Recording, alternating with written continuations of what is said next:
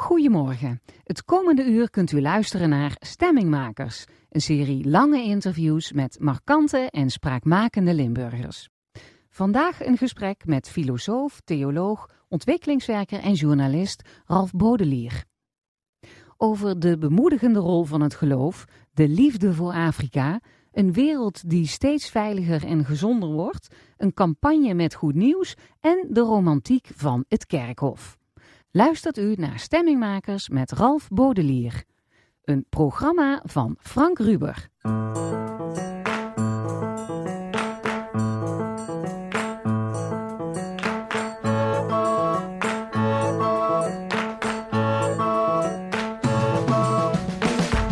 We zitten hier in Oud-Lebiers. Dus het, ja, het oudste stukje van Lebiers. Hè. Is half Duits, half Nederlands. We zitten hier pal op de grens. De luisteraar kan het niet zien, maar het is echt drie meter vanaf het slootje dat de grens markeert met Duitsland.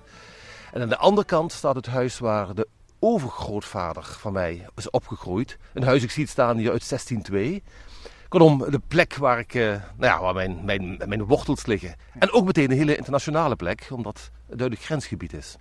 Dat tekent jou natuurlijk wel. Dus um, dat kon je nog niet bevroeden natuurlijk toen je hier uh, geboren en getogen bent. Want in ja. dit straatje met het, die oude kapel die daar staat, ja. hier ben je echt opgegroeid. Hier heb je je jeugd doorgebracht. Ja, ja, ja zeker. Je hebt dus gevoetbald en uh, verstoppertje gespeeld. En, uh, ja, en toen mijn 18e of 19e. En toen ben ik vertrokken naar Brabant, naar Tilburg. Als ik dit zie, dit is een, eigenlijk een heel idyllische omgeving. Hè? Typisch Zuid-Limburg, heuvelland, uh, kleine landschapselementen, nou een, een, enkele huisjes, heel oude, stokoude huisjes, zoals je je ook voorstelt, zoals in de VVV-folder staan. Was het een gelukkige jeugd hier?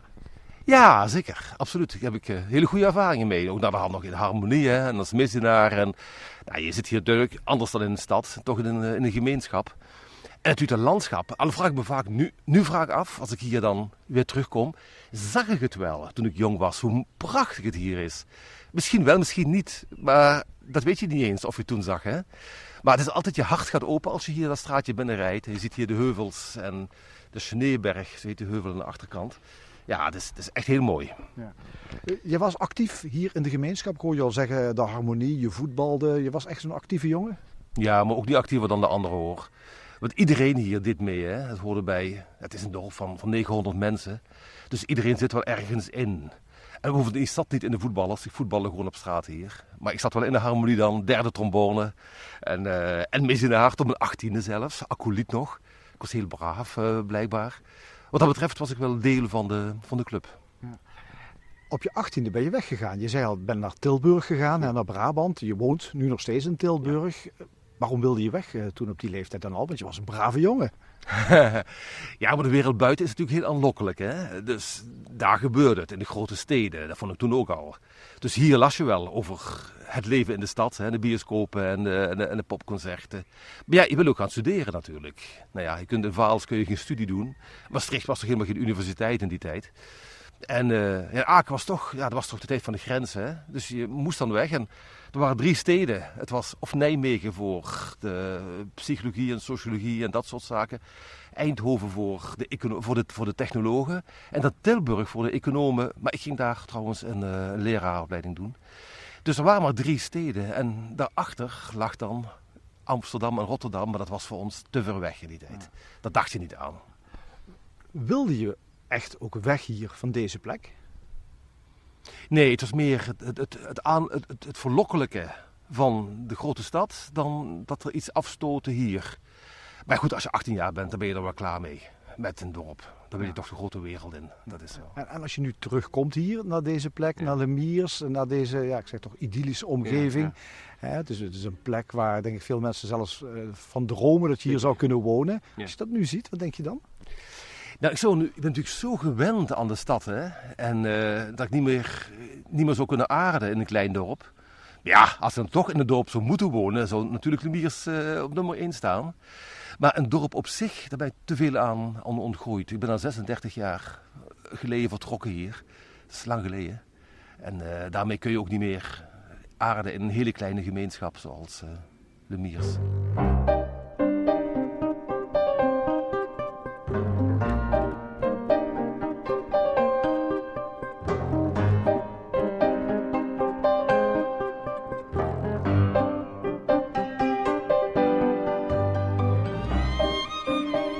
Ralph Baudelaire is even terug in zijn geboortedorp Lemiers. De plek waar zijn familie al generaties lang woont, verhuilde hij in voor Tilburg.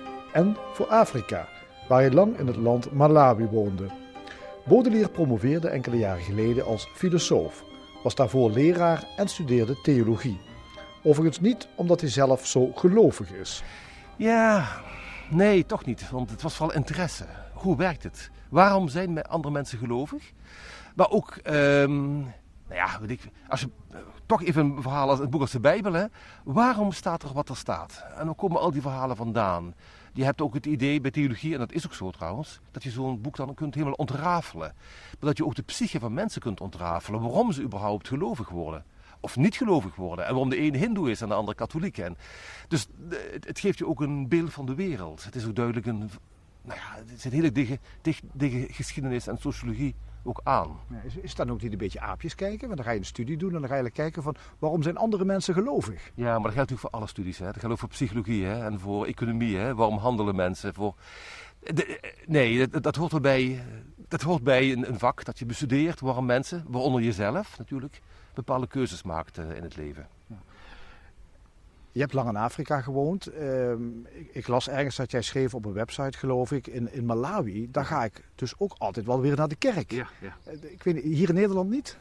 Jawel, ook, jawel, tegenwoordig ook weer. Dat ik, als ik kan op zondag, hè, dan ga ik in Tilburg ook naar, niet naar de kerk, maar naar een kerk de Mariakerk, omdat het een hele maatschappelijk betrokken kerk is. Um, er zijn er veel kerken waar ik nooit naartoe zou gaan, omdat die veel te conservatief zijn en veel te veel terug weer willen naar, uh, hè, naar de jaren 50. Um, ehm, maar in Malawi ga ik sowieso naar de kerk, maar dat is natuurlijk heel anders dan hier in Nederland. Dan zit je in een kerk met al, nou, altijd duizend mensen. Er zijn drie of vier diensten achter elkaar vol met duizend mensen. Er wordt enorm gedanst. Het, uh, ja, het dampt echt letterlijk van de mensen die dansen en meezingen. Uh, ja, het is zo'n theater bijna. Daar wordt ook echt geofferd. Dus halverwege dienst, daar komen mensen al dansend binnen en zingen binnen. En dan hebben ze ook geiten aan een tak hangen. En met kratten cola en met broden en met zakken mais. En het wordt allemaal, het wordt allemaal op het altaar gestapeld voor de, voor de priesters. Het is echt offeren zoals we dat kennen. En ja, het is echt zo fascinerend om zo heel dicht bij de bronnen te staan eigenlijk van het christendom. Zo, zo voelt het voor mij. Uh, zo, ik denk dat het in de middeleeuwen ook hier zo ging. En uh, in die vroegste eeuwen dat dat uh, ja, is een enorme aantrekkingskracht om daar te gaan. Dus elke zondag als ik kans heb, dan vertrek ik naar uh, de Holy Ghost Church in Diraande, een hele grote krottenwijk, om daar mee te doen. Ja. Maar hier in Nederland, in Tilburg zeg je, ga je ook op zondag, als het kan, naar de kerk. Ja. want dat is wel een behoefte die in je zit. Ja, ik denk ik... Um, ik zit zelf een beetje in een rol dat ik um, vrij, vrij veel praat en schrijf. En ik heb ook zelf de behoefte om bemoedigd te worden, of geïnspireerd te worden. En die kerk doet dat dus. Dus die, die priester begint dan duidelijk van, uh, beste mensen, vandaag de grote vraag. Uw buurman krijgt kanker. Wat kunnen we daar nu, hoe moeten we daarmee omgaan? Dus er wordt meteen zo ook ingestoken op die manier. En ik vind dat uitermate prettig. Want uh, daar kan ik gewoon rustig een uur over denken, over zo'n thema ook. Met, en dan de muziek erbij van Huub Oosterhuis. En het, is, is allemaal heel kleinschalig, het is heel eenvoudig. Het is een, um, een kloosterkerk van de, van de Norbertijnen. Dus het is heel ja, ja, kleinschalig, ik heb geen ander woord. Maar heel bemoedigend. Dus ik ga er weg en denk zo, heerlijk. Ik kan weer aan de, aan de week beginnen, aan de zondag. Je hebt een tijd geleden, en dat is nog niet zo lang geleden, uh, een brief geschreven aan je dochter. En dat is eigenlijk een open brief, want uh, ik heb uh, niks, uh, ik heb geen envelop open, opengescheurd waardoor ik die brief tegenkwam. Maar die staat gewoon op internet, die is gewoon te vinden. Een open brief dus. Um, en daarin ga je in op de gevaren van terrorisme. Want je dochter die ging naar een popconcert in Engeland. Vertel eens, hoe, hoe kwam het tot stand? Ja, het was, je had die grote aanslag in Manchester, hè, in, dat, in dat popconcert. En, um, van, uh, op, uh, tijdens het concert van Ariana Grande. Van Ariana, sorry, ja, ja. ik was even aan het zoeken naar de naam van de, de popster. Van Ariana Grande. En mijn dochter, die reist zoveel mogelijk popconcerten af uh, rondom Nederland. Dus zit ze weer in Keulen en weer in België. En weer in... Um, ja, er komt net een oom langslopen. Zie, heb je Lemiers, ja, Dan moet je even zwaaien. Dan moet je even zwaaien. Dat is oom Frans hè? en tante Irene. Dus, Goedemorgen. en ehm, toen had ik, ik zat de hele week op Radio 1 met een korte column, elke dag. En de bedoeling van die column was om de context te geven aan het nieuws. En toen gaf ik context aan die aanslag in, um, in, in Manchester. En ik zei, nou, het is natuurlijk dramatisch wat er gebeurd is. Hè. Je moet je niet voorstellen dat je daarin terechtkomt. Um, en tegelijkertijd de kans dat het gebeurt is echt minimaal. Uh, de kans dat je hier in Nederland omkomt uh, door, uh, weet ik veel, een verkeersongeval of veel, is natuurlijk zoveel groter. Dus we moeten toch ook dit soort aanslagen een beetje in een context plaatsen en ons niet gek laten maken. En toch blijven doorgaan met concertbezoek, met vakanties, met reizen. En toen belde NRC Handelsblad en zei, kun je daar een brief van maken van je dochter? Oh ja, ik refereerde ook aan mijn dochter die al die concerten afgaat. En toen heb ik een brief geschreven voor de krant. En die is toen meteen een soort trending topic geworden. Vier dagen aan de top gestaan voor de meest gelezen artikelen. En wat ik dus zei is van Emma, zo heet mijn dochter, van blijf vooral gaan naar die concerten. reis veel, geniet ervan. Zorg dat je contacten maakt met mensen over de hele wereld. En besef inderdaad, de kans dat jou iets gebeurt is gewoon minimaal. Geniet van het leven en laat je niet gek maken door die terroristen. Want dat is precies wat ze willen. Ja. En de, de boodschap was ook, de wereld is nu eigenlijk veiliger dan 20, 30 jaar geleden. Ja, de wereld is een heel stuk veiliger. Dat is iets wat wij dus helemaal niet beseffen. Maar 30 jaar geleden hadden we twee zenders, of drie zenders. En we hadden nieuws één keer per dag. En er werden de highlights uitgehaald. En dan kregen we eigenlijk een hele ander beeld van de wereld dan nu. Want nu zitten we 24 uur per dag via social media en Twitter en weet ik veel. Komt dat nieuws binnen. En al die zenders en al die, uh, die media die concurreren met elkaar. En de enige manier om te overleven is door zoveel mogelijk drama binnen te halen. Dat betekent dat wij dus een heel ander beeld krijgen van de werkelijkheid dan de werkelijkheid echt eruit ziet. Het beeld dat we hebben is dat de wereld in brand staat, dat die, die helemaal vol zit met terrorisme en met oorlog. En, maar als je nu naar de cijfers kijkt, en die worden gewoon bijgehouden door allerlei gerenommeerde instituten, dan zie je dat de aantallen doden en de aantallen conflicten echt nog nooit zo laag was dan op dit moment. Ja, terwijl heel veel mensen natuurlijk een verlangen hebben naar een tijd waarin het volgens hun dan toch heel veel veiliger was. Hè?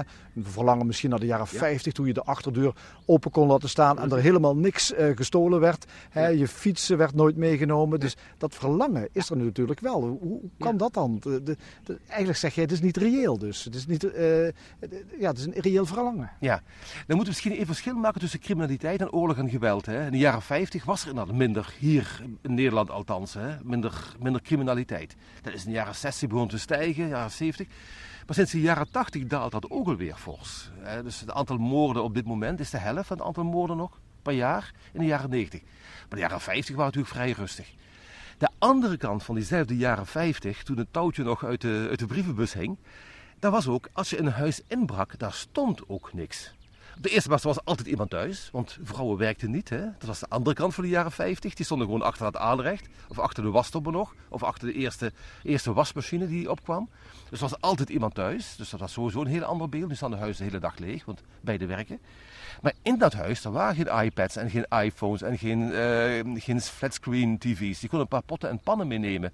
En misschien een tafel en een stoel. Het was het zo'n beetje. Dus dan moeten we ook beseffen dat de criminaliteit toen laag was, omdat ook vrij weinig te halen viel in die tijd.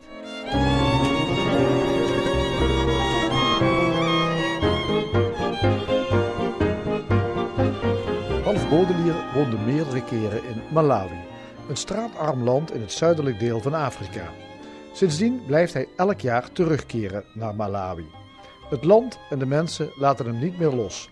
Hij schrijft gepassioneerd over de energie van zijn Afrikaanse vrienden, die ondanks de armoede iets van het leven proberen te maken.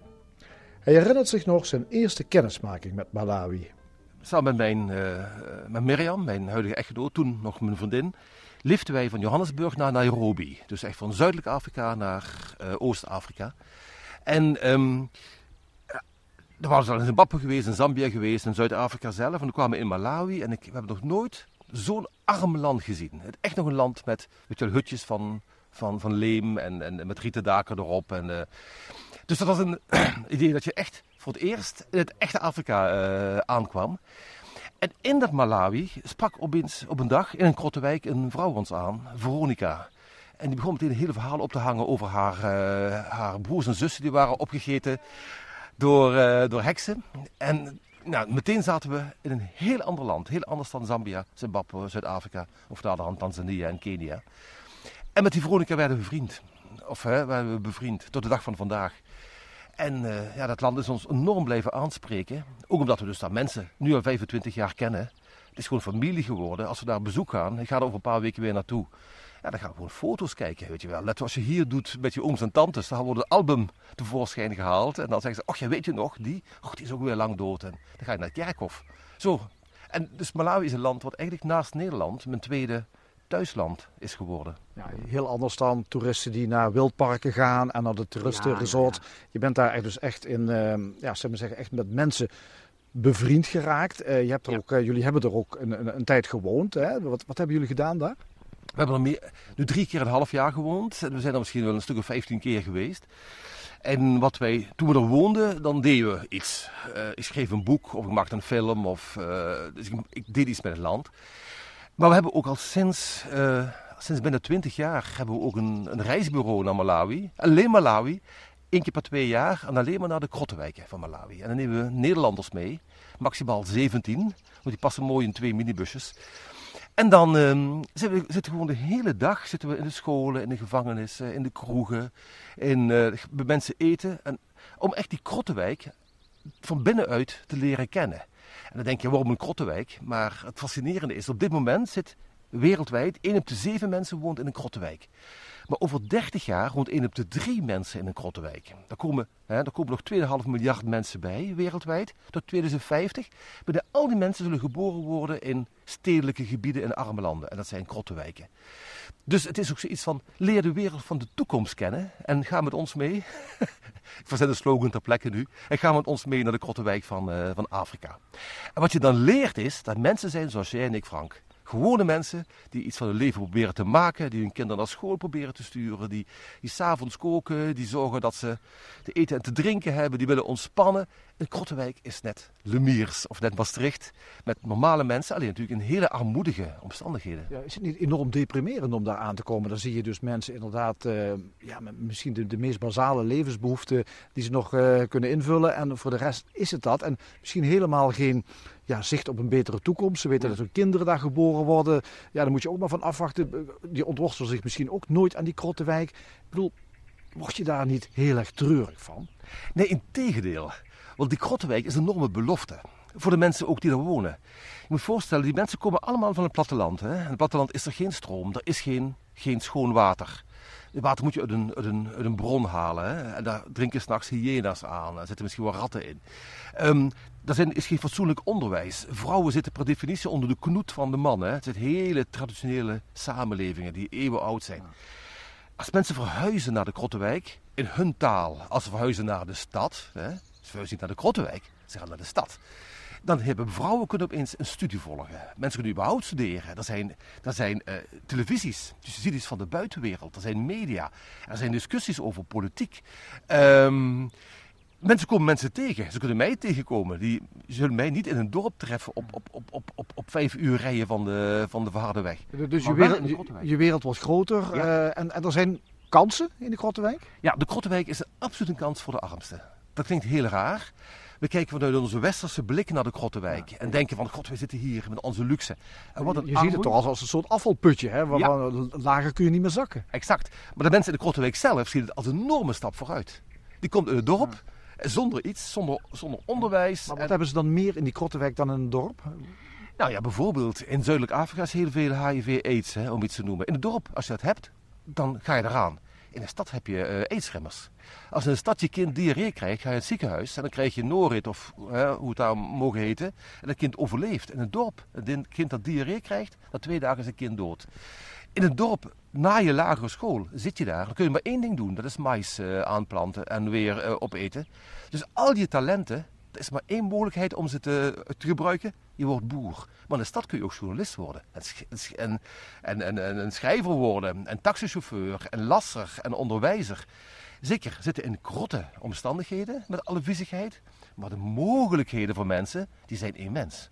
En dat is wat mensen dus ook zo naar die stad trekt. En daarom hebben we ook over zoveel, over twintig jaar, 3 miljard mensen wereldwijd in krottenwijken wonen. Het is voor hun een mogelijkheid en geen probleem.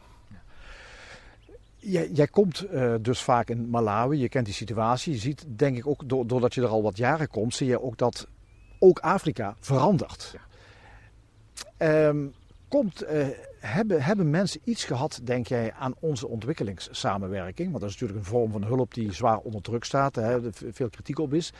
Heeft het iets opgeleverd? Ja, absoluut. Nou, dan moet je, als je nu heel genuanceerd zou willen oordelen, dan zitten er twee kanten aan ontwikkelingssamenwerking. Het moet economische groei bevorderen en het moet het welzijn van mensen te goede komen. Nou, op het punt van economische groei is er vrij veel discussie over, of dat wel gebeurd is. Maar dan moet je wel beseffen dat het lijkt alsof wij heel erg veel ontwikkelingssamenwerking geven. Maar als je kijkt vanuit de kant van de ontvanger is er nog steeds enorm weinig. Ik heb het uitgerekend dat de gemiddelde Afrikaan 6 cent per dag aan ontwikkelingssamenwerking krijgt. Dus net genoeg voor een theezakje of het sneeuwbrood. Hè. Die krijgt natuurlijk niet zelf, maar zijn overheid. Hè. Dus het lijkt alsof we heel veel investeren, maar teruggespoeld naar 3 miljard armen wereldwijd is het relatief weinig. Als je kijkt naar het welzijn van mensen, dan denk ik vooral aan onderwijs en gezondheidszorg, dan zie je dat ontwikkelingssamenwerking enorme successen geboekt heeft. Ik kan zeggen, bij het hele onderwijs in Afrikaanse landen, maar ook in heel Azië, is eigenlijk gebouwd op ontwikkelingsgeld. En dat geldt ook voor de bouw van ziekenhuizen en klinieken. Of voor bijvoorbeeld het verstrekken van HIV-medicatie. Eh, dat komt echt uit de pot van rijke westerse landen. Dus op dat niveau onderwijs, gezondheidszorg zijn we echt heel succesvol. Ja, terwijl het idee toch vaak ook is, het leidt tot uh, corruptie. Hè? Het geld verdwijnt in de zakken van machthebbers. Het maakt uh, mensen, het maakt samenlevingen lui. Het levert niet echt iets op. Uh, je zou eigenlijk gewoon handel moeten drijven en daar gaat het uiteindelijk om. En niet ja. om het geven van hulp. Ja, dat vind ik ons ook hoor uiteindelijk gaat het om die handelen. Maar wanneer gaat nu een bedrijf investeren, bijvoorbeeld in een fabriek voor schoenen in pak een beet Malawi? Dat doen ze alleen als zo'n land mensen kunnen lezen en schrijven en niet de halve dag met malaria of HIV-AIDS eh, in bed liggen. Dus die basisvoorwaarden, gezondheidszorg en onderwijs, die moet, die moet er zijn voordat überhaupt zo'n economische groei en handel dus ook van de grond kan komen. Dus daarom dat ik ook een groot pleitbezorger ben voor ontwikkelingssamenwerking, omdat je daarmee dus die basale voorwaarden um, neerzet waarop dan die economische groei kan plaatsvinden.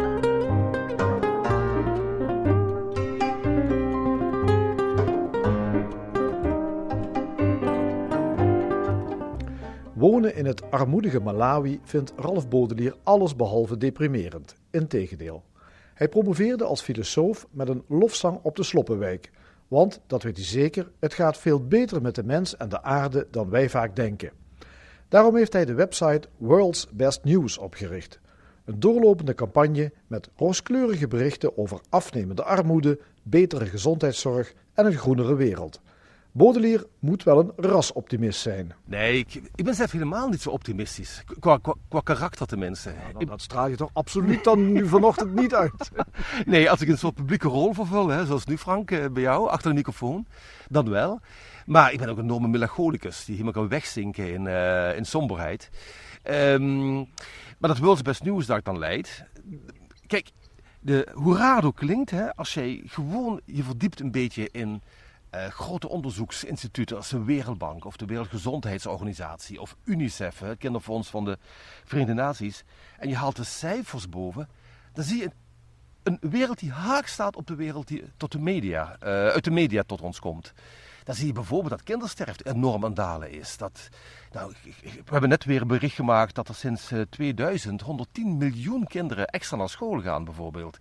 En met name in arme landen. Dat daar in arme landen, Afrika, 84 procent, dus 8 op de 10 van alle kinderen, nu gewoon op school zit. Vraag dat aan Nederlanders die denken dat er 1 op de 10 of 5 op de 10 maximaal op school zitten. Nou, uit de cijfers blijkt iets heel anders. En als je ook reist door landen in Afrika bijvoorbeeld, dan zie je dat ook gewoon. Dan zie je al die stromen kinderen in die uniformpjes met die rugzakjes naar school gaan. Maar dat beeld hebben wij niet. Dus wat wij doen met World's Best News is, we halen gewoon cijfers boven, proberen dat dan om te zetten in een verhaal en daarmee wat wij denken, eigenlijk de werkelijkheid naar voren te brengen. Terwijl de media vooral altijd de uitzonderingen op de werkelijkheid uh, brengt. Ja, welke goede nieuwtjes zijn er uh, nog allemaal te vertellen? Ja, het is te veel om ze allemaal op te noemen. Maar op welke terreinen gaat het beter dan wij misschien denken? Ja, wat voor mij het allerbelangrijkste is persoonlijk, is armoede. Extreme armoede. Hè? Dus ik heb niet over Ik heb niets over armoede in Nederland, maar armoede in Azië, in Afrika, in Latijns-Amerika, vroeger in Oost-Europa. Dus zo arm als je kind diarree krijgt, dat twee dagen later dood is. Omdat je niet het geld hebt om maar de minibus te pakken naar het ziekenhuis. Of door een, een, een, een, uh, te kopen. Hè. Dus dat soort armoede. Dus die absolute armoede waar dus geen, geen grens meer onder zit, alleen de dood. Nou, die armoede toen ik geboren werd in 1961, toen was toch de helft van de wereldbevolking was extreem arm. Dus 50 procent. We zitten nu op 9 procent van de wereldbevolking. Dus dat is een enorme afname. Het is natuurlijk heel fijn om, om positief nieuws te brengen. Ja. Maar van de andere kant loop je niet het gevaar dat je dus problemen ook uh, te zeer relativeert. Want je kunt wel zeggen, er zijn, het, gaat de goede kant op. Maar er blijven natuurlijk altijd nog heel veel mensen die blijven wel in armoede zitten. En die leven wel een heel ongelukkig en ongezond leven. En dat zijn ook nog steeds hele grote aantallen. Als je alleen maar zegt, het gaat beter. Mhm. dat zijn misschien metacijfers. Maar er zijn natuurlijk, het gaat ook om mensen. En er zijn heel veel mensen die is dat geluk, valt dat niet aan deel. Ja. ja, dan moet ik iets vertellen over de achtergrond van World's Best News. Hè. Voor mij persoonlijk is het misschien heel belangrijk als journalist ook. Hè om, um, om de werkelijkheid goed weer te geven. En ik vind dat wij journalisten dat vaak niet doen. Maar de, de beweging zelf, World's Best News, heeft een andere reden, waar ik helemaal achter sta. Als wij alleen maar horen dat het slechter gaat, met alles, met honger, met armoede, met terrorisme, met noem maar op. Dan gaan we achteroverleunen en zeggen we, we hoeven ons ook niet meer met die wereld te bemoeien. Het heeft toch geen enkele zin gehad. Ik herinner me, ik reed een keer met mijn vader door Malawi weer, hè, mijn tweede thuisland. En we gingen naar een leprakolonie, waar mensen zitten met uh, oude mensen allemaal, zonder vingers, zonder neus, zonder oren, allemaal afgevallen door melaatsheid, door lepra. Mijn vader zag dat en zei: God, ik ben al 30 jaar of 40 jaar donateur van de lepra-vereniging. En waar heeft dat geld nu toe geleid? Maar pas toen ik hem vertelde dat alleen oude mensen waren, dat er geen jonge mensen meer uh, lepra krijgen, en dat Malawi vroeger tien lepra-kolonies had en nu nog maar eentje. Toen pas snapte hij waarom het goed was dat hij doneerde aan de lepra-vereniging. En waarom hij vooral ook moet doorgaan wat doneren aan de lepra-vereniging. Dus wij brengen dit nieuws om mensen aan te moedigen. Jongens, kijk, het is ons gelukt om kindersterfte terug te brengen. Het is ons gelukt om vrouwenrechten te bevorderen. Het lukt ons om, zo, om, om homo's te emanciperen wereldwijd. Noem maar op. Laten we daar in godsnaam mee doorgaan. Als je alleen maar hoort dat het slecht gaat, dan ga je op je handen zitten en doe je niks meer. En dat willen we met World's Best News voorkomen.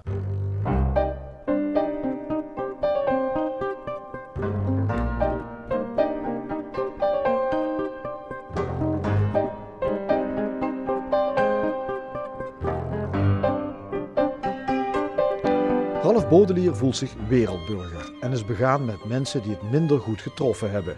Simpelweg omdat ze op een plek op aarde wonen waar de omstandigheden minder zijn. Daarom woonde hij enkele keren in Malawi en hij organiseert jaarlijks reizen naar dat land.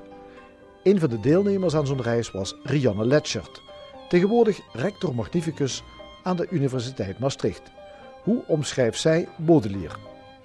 Heel open, uh, heel aardig, heel inhoudelijk moet ik ook zeggen. Je hebt met Ralf eigenlijk altijd een discussie over alles. En hij zal ook zoeken naar uh, de punten van discussie. Soms een klein beetje als advocaat van de duivel. Die rol vindt hij ook wel leuk.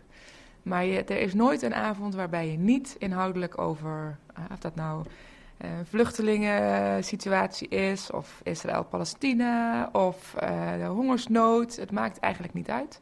Het is altijd heel, ja, heel, heel, ja, wat ik zeg, inhoudelijk. Dat vind ik fijn, ja. Hij is gepromoveerd als filosoof een aantal jaren geleden. Is, is dat merkbaar in zijn, in zijn werken, in zijn leven, in zijn praten? Ja, hij is natuurlijk een uh, absoluut erudite man, een uh, intellectuele man. Die als het gaat over een bepaalde situatie altijd probeert de verschillende perspectieven te duiden. Daar ook zeker wel ook een eigen mening over heeft, maar toch ook wel vanuit die filosofische achtergrond die hij heeft. Uh, veel gelezen. toch net die verschillende standpunten naar voren kan brengen. Dat zie je ook heel goed terug in zijn proefschrift. Dat, dat maakt wel dat hij um, ook vaak gelezen wordt en veel naar geluisterd wordt. Omdat dat denk ik belangrijk is, ook in deze tijd, dat je iemand hebt die, die dat kan. Dat, dat, dat, dat heeft zeker met zijn filosofische achtergrond wel te maken.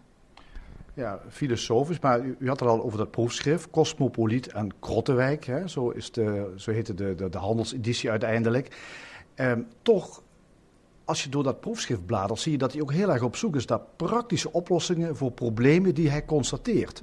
Dus het is wel een filosoof die oog heeft, denk ik dan, voor, de wereld. Is dat, eh, herkent u dat ook, wat ik ja, zie? Ja, absoluut. Ralf is niet alleen een theoreticus die alle uh, zeg maar filosofen die hij ook in zijn boek wel gebruikt en uh, daar analyses over, uh, over maakt. Maar hij is ook wel iemand die met wat we dan noemen de voeten in de, in de modder staat. En natuurlijk in zijn vele werk in bijvoorbeeld Afrika ook ziet wat bepaalde filosofische gedachten eigenlijk betekent als je daar in een krottenwijk zelf rondloopt. En die combinatie, denk ik, van het vanuit een theoretisch perspectief toch het praktische effect daarvan willen duiden, dat maakt dat zijn boek ook zo ook toegankelijk is. En ook toegankelijker wordt voor een breder publiek. Ik denk dat dat ook belangrijk is. Want um, als je het heel abstract houdt, dan verlies je ook een heel groot publiek die het dan niet meer herkent. En ik denk dat dat wel zijn kracht is. Dat hij uh, zowel in die theorie en in die gewoon heel erg goed is, maar het wel weet te plaatsen van, nou, zo werkt dat dan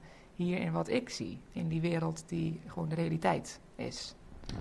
Jullie zijn een keer uh, naar Afrika geweest in, als gezelschap, hè, naar ja. Malawi. Ja. Wat, wat wil hij dan laten zien aan de mensen die meereizen? Oh, dat was echt een prachtige reis. Dan laat hij echt alle aspecten van zo'n land zien. En dat betekent uh, de ziekenhuizen, zowel de privéziekenhuizen waar alle faciliteiten zijn, als de ziekenhuizen waar uh, de arme mensen zeg maar naartoe moeten gaan met alle vreselijke omstandigheden die je daar aantreft tot uh, rondleidingen in de krottenwijken. Elke ochtend begin je met de krant lezen, de, de krant van Malawi. En dan pikt hij er nieuwsartikelen uit en daar gaan we dan over, gingen we dan over praten. Dat kan van economie zijn tot, tot, tot klimaat, tot uh, veiligheidsaspecten in Malawi, tot uh, nou, vooroordelen. We zijn naar scholen geweest. we hebben ook zelf op een, een school voedsel uitgereikt aan de 5000 kinderen die daar naartoe gingen. We zochten ons pap maken om uh, vier uur. Dat soort dingen doe je. Je gaat het dorpjes in, je praat met mensen. Echt bedoeld om een inkijkje in die samenleving te krijgen. En niet um, vanuit een, um, alleen maar een toeschouwersperspectief, maar ook echt onderdeel te zijn van die gemeenschappen. Dus ook bij mensen thuis eten, bij mensen thuis op gesprek komen, uh, in de scholen zelf rondlopen. En dat was heel waardevol. Je ziet heel veel. En hij heeft dan als, als reisleider de rol om, uh, nou niet alleen het organiseren doet hij natuurlijk, hij heeft daar een groot netwerk, maar ook nou ja, het verklaren en het vertellen. Hij houdt heel erg van vertellen. Het is natuurlijk een ongelofelijke verteller. Dat, dat ja. heeft hij daar ook gedaan. En, en hij heeft heel veel compassie met mensen die in armoede leven daar in Afrika, krijg ik wel de indruk. Ja, maar compassie niet vanuit een soort medelijden. Hè? Van ik heb medelijden met mensen hier, maar meer compassie van hoe kunnen we nou zorgen dat mensen in hun kracht worden gezet en dat uh, mensen daarin zelfredzaam gaan worden. Hij denkt wel heel erg vanuit empowerment en niet vanuit, oh ik ben hier de blanke man en ik kom hier even vertellen hoe het hier uh, beter kan. En zo, dat is niet zijn filosofie. Hij is heel serieus bezig met, uh, met onderwerpen als, als armoede, met milieu. Kun je ook wel eens met hem lachen? Oh ja, absoluut. Hij is heel grappig. ja, zeker. Ja, als je met hem een biertje drinkt, uh, als je met hem gaat eten, is een leuke anekdote.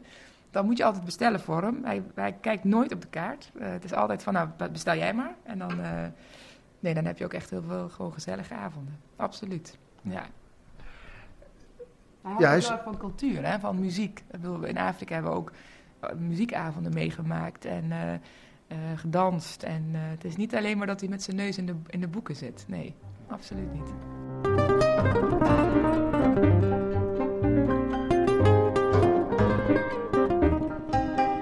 Ralf Bodelier constateert dat het goed gaat met de wereld. Echte armoede neemt af. Ook in ontwikkelingslanden worden mensen welvarender. Maar als steeds meer mensen gaan autorijden en machtentrons aanschaffen, dan heeft dat nog een keerzijde. Milieu en klimaat worden er hevig door belast. Is Bodelier daar bezorgd over? Enerzijds maak ik me zorgen over en tegelijkertijd ben ik vooral bezig, alweer sinds een jaartje, met het zoeken naar oplossingen voor die problemen. En um, we hebben een, met, met zeven andere journalisten en wetenschappers hebben we een clubje opgericht, dat heet Ecomodernisme. En dat ecomodernisme, daarmee proberen we verder te denken dan eigenlijk de gewone milieubeweging denkt. We denken vooruit, we weten, er komen nog 2,5 miljard mensen bij hè, voor 2050, wereldwijd. En nog steeds zitten we met een miljard mensen in slechte omstandigheden. Hè. Nog 700 miljoen mensen hebben honger en hebben geen energie. En, en dan denken we, hoe kunnen we nu, wat kunnen we nu bedenken om het milieu verder te verbeteren? Dus meer schone lucht, hè, meer biodiversiteit. Maar ook nog eens de welvaart te verruimen voor die mensen die, er, die nu hem niet hebben. En ook te zorgen dat 2,5 miljard mensen die komen ook welvaart en ook een schoon milieu en alles hebben. En ik, ik zit heel sterk nu op de oplossingsrichting wat betreft milieuproblemen. Ja, want voor veel mensen is het een doemscenario. Hè? Eh, al die mensen die gaan dadelijk ook autorijden, die gaan energie gebruiken. Daar komen misschien wel kolencentrales bij. Dus opwarming van de aarde gaat misschien nog veel sneller. Te veel mensen betekent misschien dat er helemaal geen voedsel meer is voor mensen. Of er gaan nog meer tropische regenwouden eraan. Nou ja, noem maar op. het is een, hele stofvloed. Uh, uh, jij zegt, ik ben aanhanger van, we hebben dat ecomodernisme ontdekt. Het is eigenlijk een, een wereldwijde stroming. Kun je uitleggen, wat behelst die stroming? Wat wil die? Ja. Nou, enerzijds doet ze iets wat wij als World's Best News ook doen. Ze proberen die doemscenario's wat te relativeren. Door cijfers boven te halen. Als je toch even kijken naar klimaatverandering. Hè. Dus het voorspelling is, klimaat verandert, dan zullen heel veel mensen door sterven. Dan denken ze heel concreet aan droogte, aan overstromingen en stormen en hittegolven. Dat zijn de vier grote apocalyptische ruiters die ons zullen overspoelen. Maar als je nu kijkt naar de afgelopen 80 jaar, sinds we data hebben over deze onderwerpen, dan zien we dat het aantal mensen die sterven aan droogte, overstromingen, hitte en uh, wat is het nog meer? Uh, uh, stormen, ja, dat die enorm, sterker nog, met 98% zijn afgenomen. Dus in de jaren 30 vielen veel en veel meer mensen slachtoffer daarvan dan vandaag. En hoe... Volgens mij gaan de verwachtingen ook meer uit van de toekomstscenario's. Wat er allemaal op ons af gaat komen. En dat schijnt dus ja, tamelijk desastreus te, uit te kunnen ja, pakken. maar de, de, het verleden is toch steeds de beste voorspeller van de toekomst. Dus als jij ziet dat, wij, uh, dat ons gelukt is hè, om domweg hoe, beschermen we ons tegen, tegen kou? Ja, we hebben dikkere huizen, we hebben betere verwarming, we hebben dubbele glas, we hebben betere kleren. Hoe beschermen we ons tegen hitte? We krijgen ventilatoren, airconditioning. Hoe tegen stormen? Nou, we zetten dijken neer, we bouwen uh, stormbestendige huizen. We zijn ook in staat om dit soort problemen voor een groot deel op te vangen. Als ik hier wandel door het prachtige Zuid-Limburg, ik zie overal retentiebekkens afgelopen 20 jaar, 10 jaar, zijn gewoon bekkens uitgegraven waar het overvloedige water dat moet vallen wordt weggehaald en niet meer de huizen overstroomt. Is maar een heel klein voorbeeld, maar er zijn er duizenden van dit soort initiatieven waarmee wij al vooruitlopen op de klimaatverandering. Dus dat is één ding van het ecomodernisme. We proberen dus ook de zaak wat te relativeren en in een context te zetten en zeggen, als het ons gelukt is om het aantal doden door klimaat zo enorm terug te dringen, dan moeten we, kunnen we ook best hoop hebben dat het verder lukt. We zijn niet achterlijk, hè? We zijn wel nadenken, we zijn wel bezig daarmee. Dat is de ene kant. En de andere kant is dat we denken dat we terug moeten naar een aantal technieken die we een beetje hebben, verdoemd de afgelopen jaren. Um, ik denk aan intensieve landbouw bijvoorbeeld. Waarmee we heel veel meer voedsel kunnen verbouwen op een hele goede manier voor een grotere groep mensen. En, um, een, een, een, een, onderzoeker uit Wageningen heeft ons berekend dat wij in Nederland, als we nog intensiever gaan verbouwen, wat we doen, onze maïs en aardappelen, en, dat we op een zesde van de grond die we nu gebruiken, alles kunnen neerzetten. Dat betekent dat de overige vijf zesde van die grond weer bos en heide kan worden, waar we kunnen gaan wandelen en weer wat dieren kunnen leven. Dus de vooruitgang is voor ons ook meer intensiveren, met name in landbouw. Dat is een van die onderwerpen die wij dan aanhalen als ecomodernisten. Jullie zijn van intensieve landbouw, voor genetisch gemodificeerde gewassen, voor kernenergie. Het zijn eigenlijk allemaal onderwerpen waar de traditionele groene beweging juist tegen is. Hè? Die waarschuwen daartegen om, voor de gevaren van als je gewassen aanpast, als je een kerncentrale bouwt. Jullie omarmen het juist. Mag, mag ik het verschil zo samenvatten? De traditionele milieubeweging wil eigenlijk gaan kijken dat we zo goed mogelijk in harmonie met de natuur kunnen leven. Jullie zeggen eigenlijk, we zouden los van die natuur moeten gaan leven. Dat is een heel belangrijke, dat is precies de kern. Ja, wij moeten los van de natuur en we moeten de natuur enerzijds zijn gang laten gaan, hè, dus meer is. En het deel wat we nodig hebben voor ons eigen gebruik, moeten we nog sterker eh, bewerken en nog sterker manipuleren, mij betreft, om nog meer opbrengsten te krijgen. En daar zijn we al sinds de middeleeuwen steeds beter in geworden. Want genetische modificatie is niet anders dan stekken en kruisen en dat soort dingen hè, die de monniken al deden in de kloosters. Alleen nu veel sneller en in laboratoria. En daarmee moeten we de natuur niet denken, we moeten in harmonie met de natuur. Nee, we moeten een klein stuk van de natuur moeten wij verder doorontwikkelen om zoveel mogelijk mensen te voeden uh, wereldwijd. En dan hebben we de rest van de natuur vrij om in te wandelen en voor de wolven en de linksen en, uh, en de konijnen. Ja. Terwijl toch veel mensen denken, wij zijn nu op een punt gekomen dat we juist doordat we in, in, in strijd met die natuur uh, gehandeld hebben, dat we de aarde naar de knoppen hebben geholpen. Uh, is, is niet een enorm gevaar wat, wat jullie prediken als ecomodernisten? Dat je zegt, we gaan los van die natuur. Roep je dan niet uh, enorme grote onheil over je af? Nee, dat denk ik niet. Moet je kijken, als je nu, we kijken even om ons heen hier in dat idyllische Lemiers. Hè? Van, we zien de bomen staan, allemaal vol in het groen. Hè? Die beek hier wat achter ons stroomt, de grensbeek. Toen ik een jongetje was van, van tien en ik kwam uit school. Dan ging ik naar mijn oma, die verderop woonde. En dan pakte ik de emmer. Dan ging ik de emmer leeggooien in de beek. Die beek was helemaal dood en vies. Die beek, er zijn nu weer forellen in. Hè? En dat komt omdat wij de afval scheiden. Het afval hebben wij losgehaald van de natuur. Uh, het wordt nu keurig opgehaald, het wordt gescheiden, het wordt uh, gerecycled, een klein deel verbrand. En de natuur, de beek, laten wij weer helemaal los van onze menselijke activiteiten stromen. En die beek heeft zich weer hersteld. En dat doen we steeds meer. We geven ook steeds meer gebieden terug aan de natuur, zoals het heet, ook in Nederland. We intensiveren meer op een kleiner deel. Dat betekent dat de rest gewoon weer zich kan herstellen. Jou uh, gevraagd om een uh, haiku te maken, Ralf. Hè? Dat doen we met alle gasten in dit programma. En uh, ja, je weet de haiku, het is een heel streng, strenge regels zijn er. Het is een Japans gedicht met drie regels. En dat moet allemaal voldoen aan ja, de strengste eisen die je maar kunt bedenken. Ik, ik, wil je ook vragen om jouw haiku voor te lezen. Ja, nou, mijn haiku is... In het botsen der meningen ontspringt meestal de waarheid. Ik kan me voorstellen dat je daarop gekomen bent door die hele discussie over ecomodernisme wellicht. Ja, en ook over ontwikkelingssamenwerking en een aantal thema's waar ik dus in zit. En um, dat zijn thema's waarvan ik denk natuurlijk hè, dat ik het bij het goede eind heb. Maar ik besef ook heel goed dat het ook maar een tijdelijke bestandsopname is van, van ideeën. En dat er ook mensen zijn met, met hele andere ideeën die ook heel veel kwaliteit hebben. Dus ik ga er ook altijd vanuit dat wat ik vind, wat ik beweer en met overtuiging beweer, hè, dat het ook weersproken kan worden. En ik denk dat dat goed is, want door het uitwisselen van ideeën, het botsen van meningen, maar ik vind vooral een goed gesprek over die thema's, waar vele argumenten aan bod komen, dan kom je verder mee. Dan komt iedereen verder mee. Dus ik ben ook erg voor debatten, maar vooral voor goede gesprekken. Met heel veel argumenten en heel veel feiten op tafel, om zo het debat altijd weer verder eh, te trekken.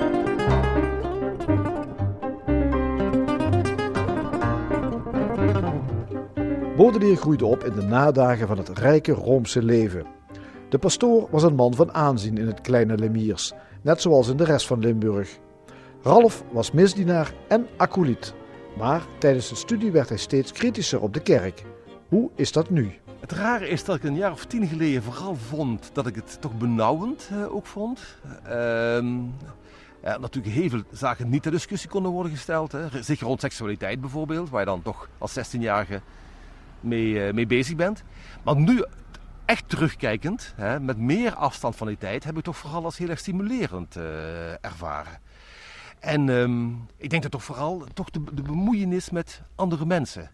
Ik was als acolyt, hè, ging met de pastoor mee op kerstochtend. Om zeven uur gingen we in al die boerderijen hier rondom het dorp waar mensen ziek waren, waar oude mensen, gingen we dan de heilige communie brengen. En dan gingen we een fruitschaal mee en dan ging de pastoor voorop en ik kwam er achteraan. Nou, ik ging voorop met, het, eh, met de wierook. Maar toch het feit dat je zorgt voor mensen in je omgeving en dat je dat als gemeenschap oppakt, de kerk in dit geval, maar toch de gemeenschap oppakt, heb ik achteraf toch een heel belangrijke impuls, als een impuls ervaren voor mijn eigen leven. Ja. Zo, word je toch wat, wat milder, wat gematigder als je wat ouder wordt? Ja, absoluut. Zo rond die 30, 40, dan ben je meest, ik althans, hè, het meest kritisch op je jeugd. Wat er allemaal niet goed ging, hè. Wat je dan als ouder toch beter gaat doen. maar als je dan toch echt ouder bent, ook letterlijk vader bent, maar ook ouder wordt, dan kijk je toch weer wat relativerender terug. En denk je, god, ik heb door heel dingen opgestoken. Het heeft me wel gemaakt tot wie ik ben. En je bent in elk geval iemand die... Uh in elk geval die, die christelijke symboliek uh, blijkbaar uh, fascinerend vindt. Mm -hmm. Want jij bent geboeid door het uh, Parijse kerkhof Cimetière du Père Lachaise. Want daar ga je vaak naartoe. Wat ga je dat doen? Net als we mensen meenemen naar Malawi, hè, op reis staan, naar de Krottenwijken, nemen we ook mensen mee voor rondleiding op, op, op meerdere kerkhoven. Père Lachaise is de belangrijkste, maar het kerkhof van Montparnasse is een andere. Wat grappig is op de kerkhoven, Frank, die zijn gebouwd rond, of aangelegd rond 1800. En aan de hand van de kerkhoven, en Parijs was natuurlijk de hoofdstad van Europa op dat moment. Duitsland was nog versnipperd in allerlei staatjes. En dan pas het volgende rijk was Wenen, Hongarije, en Oostenrijk.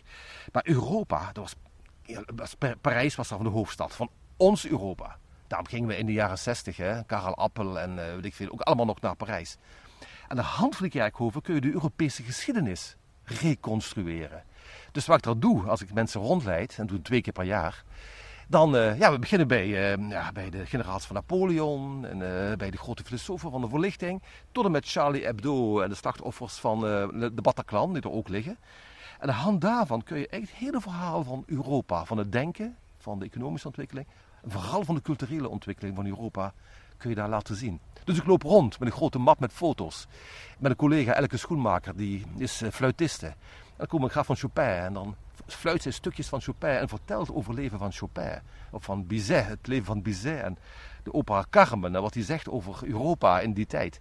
Dus zo als een muzikaal verhalende rondleiding proberen we dan Europa te reconstrueren. En dan gaan mensen weg uit Père dat hopen we althans. En denken ze, god, we hebben, we hebben toch veel bereikt weer in al die 200 jaar Europa. Aan vrede, welvaart en cultuur. Dat is de hoop die je dan ook op het kerkhof vindt. Dus. Ja, op het kerkhof, ja. Nergens kun je zoveel energie opdoen als een goede wandeling op een kerkhof. Ja, ja. Omdat je daar ook die, die vooruitgang en die ontwikkelingen en al die ideeën en al die mislukkingen ook trouwens ziet liggen. En uh, ja, nergens kun je zo nadenken over het leven als in de context van de dood.